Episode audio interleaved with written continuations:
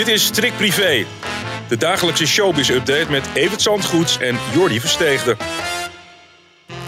Zag ik jou nou dit weekend meedijnen op de muziek van Imca Marina? Meedijnen, meer Ja. hossen. Hossen? Ja, dat was eh, carnaval in Amsterdam. Ja, eh, Fernando was jarig, de, de nieuwe man van André van Duin. En Ja. daar hebben we maar een borreltje op gedronken op dat eh, jonge geluk van die Ah, twee. En die heeft gewoon, André heeft gewoon een kroeg in zijn eigen huis, hè? Ja, Dat, ja, ideaal. Dat is toch heel gezellig. Ja, dus het eh, bleef nog langer rustig. Ja, nou ja, niemand rekende af, zei hij ook. Maar gelukkig heb ik ze op camera. Wij eh, gaan van een lach naar een traan, want er is toch wel verdrietig nieuws binnengekomen over Mark van der Linden. Ja, Ja, die heeft onze voor- collega. Hè? De Ja. laatste weken heeft hij eh, vrij veel voor eh, privé geschreven. Mooie verhalen over Mabel onder andere. En hij is vorige week maandag getroffen door een herseninfarct. En eh, ligt in, in het ziekenhuis in Amsterdam. En liet vanuit daar weten dat het de goede kant op ging. Bergop, zei hij. En sindsdien is het weer eventjes stil. Dus ja, Hmm. je moet nooit te vroeg juichen bij dat soort dingen. Maar we houden hem in de gaten. En ik ga er van de week eventjes langs met een, eh, met een bloemetje. Het komt goed, hè? Hebben de artsen opgeschreven op een whiteboard. Ja, heel lief. En daar Ja. kijk je dan de hele dag naar. En dan denk je, nou, dat zal dan wel. Daar vertrouw ik maar op. En eh, ja, hij is natuurlijk wel ehm, iemand met een paar medische issues. En eh, Ja. ze moeten hem goed in de gaten houden. En dat doen ze ook. Heb je gisteravond gekeken naar Isola Bo? Toch wel een openhartig eh, interview met Martijn daarin. Ja, wel fragmenten inderdaad over Martijn Krabbe. Opmerkelijk dat hij zegt dat hij eigenlijk wel wil stoppen als eh, tv-presentator. Dan moet ik zeggen, hij heeft nog een contract voor drie jaar. En Oh. ik zei ook al bij het kan niet anders. Of RTL, die gaat toch nog wel proberen om hem op andere gedachten te brengen. Want ja, ja Martijn Krabbe is wel gewoon al sinds 1987 geloof ik een van de grote waarden op de Nederlandse televisie. En hij heeft wel een enorme dreun opgelopen met dat hele Voice-schandaal. Waarvan hij ook zegt, dat had ik moeten weten. En had ik er meer tegen moeten doen. Vind jij dat? Had ik meer kunnen doen? Nou, volgens mij niet. Het speelde zich niet daar af. Het, het, het, het zat veel geraffineerder in elkaar. Dus hoe Ja. had hij dat kunnen weten? En wat had hij er tegen moeten doen? Dus wat dat betreft moet hij zich dat maar niet allemaal veel te veel aantrekken. Maar het is een emotionele jongen, een echte krabbe.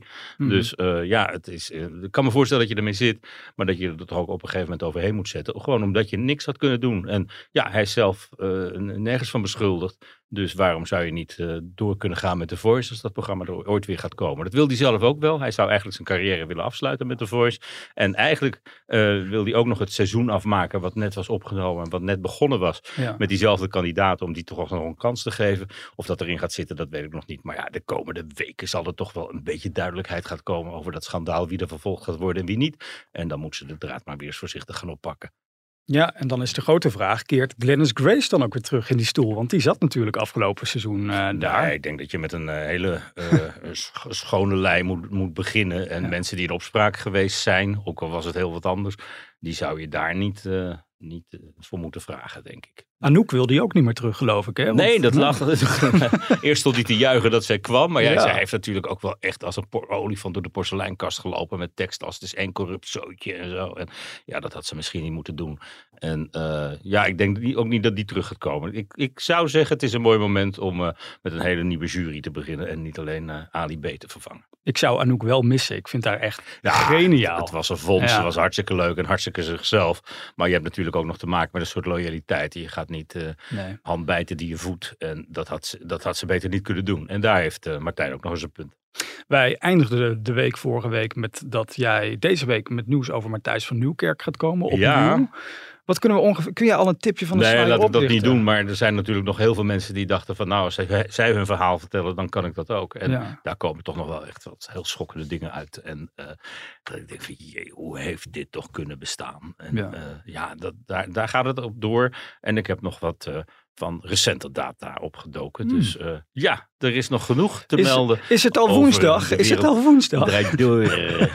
nee, Nog even ook- er even op wachten. We hadden het vorige week ook over Joep van het Hek. Want het was een van de weinigen die nog moest reageren. Buiten Mark-Marie Huibrechts. Die zometeen. Maar wat vond je van de column van Joep in het NRC? Nou, een beetje wartaal. En soms zijn ze hartstikke leuk, die columns van Joep. En soms denk ik, nou...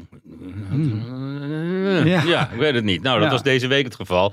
Eh, Willem-Alexander erbij halen. Die ook, nou, ik, ik, eh, nee, ik vond het niet een van de sterkste. En dan helemaal geen nieuw licht schijnen over iets. Dus eh, hij kwam er zelf niet helemaal uit, geloof ik.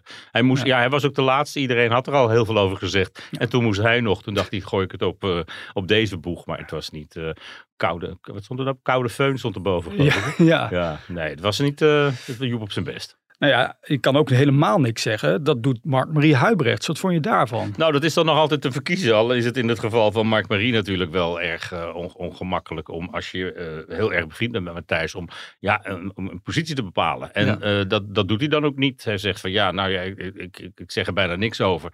En de, zij waren de twee die elke vrijdag het eind van de week gingen vieren met een etentje in een vaste restaurant. Hmm. En Matthijs en, en, en Mark-Marie hadden een buitengewone klik met elkaar. En ja, hij neemt het niet op voor Matthijs. Hij neemt er geen afstand van. Hij doet eigenlijk helemaal niks. En dat is voor iemand die overal een mening over heeft. En overal zijn licht over laat schijnen. Toch wel opmerkelijk. Maar ja, ja dat geldt ook voor Claudia de Breij. Maar Matthijs mag wel bij haar, denk ik.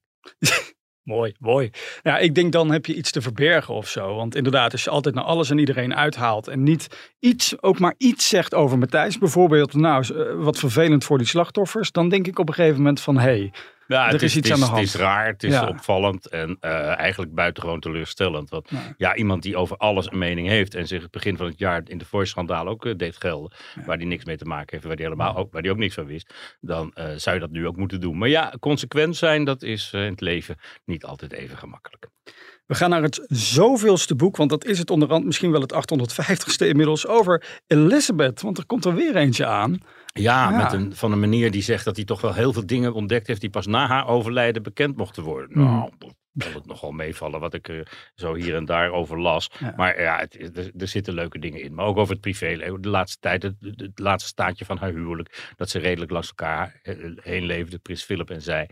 En eh, ja, dat kwam ook omdat hij niks meer deed en zij nog steeds elke dag aan het werk was natuurlijk. Ja. Maar eh, ja, ook opvallend is dat er eh, met titels nog bepaald niet gestrooid wordt door Charles. Dat legt hij allemaal uit. Maar het is niet het boek waar we allemaal wel op zitten te wachten. Dat van Harry. Met Ja. heel veel nieuws en, en heel veel nieuwe inzichten over wat zich achter de façade van Buckingham Palace allemaal heeft afgespeeld. Dat krijgen we allemaal komende maand. Tot slot nog even, wat is er waar van het gerucht dat Catherine mogelijk zwanger zou zijn? Nou ja, het, het gaat wel de ronde. Het zou erg Ja. ongelukkig zijn, want dan is ze dus hoogzwanger of net uitgerekend op het moment dat eh, haar schoonvader wordt gekroond.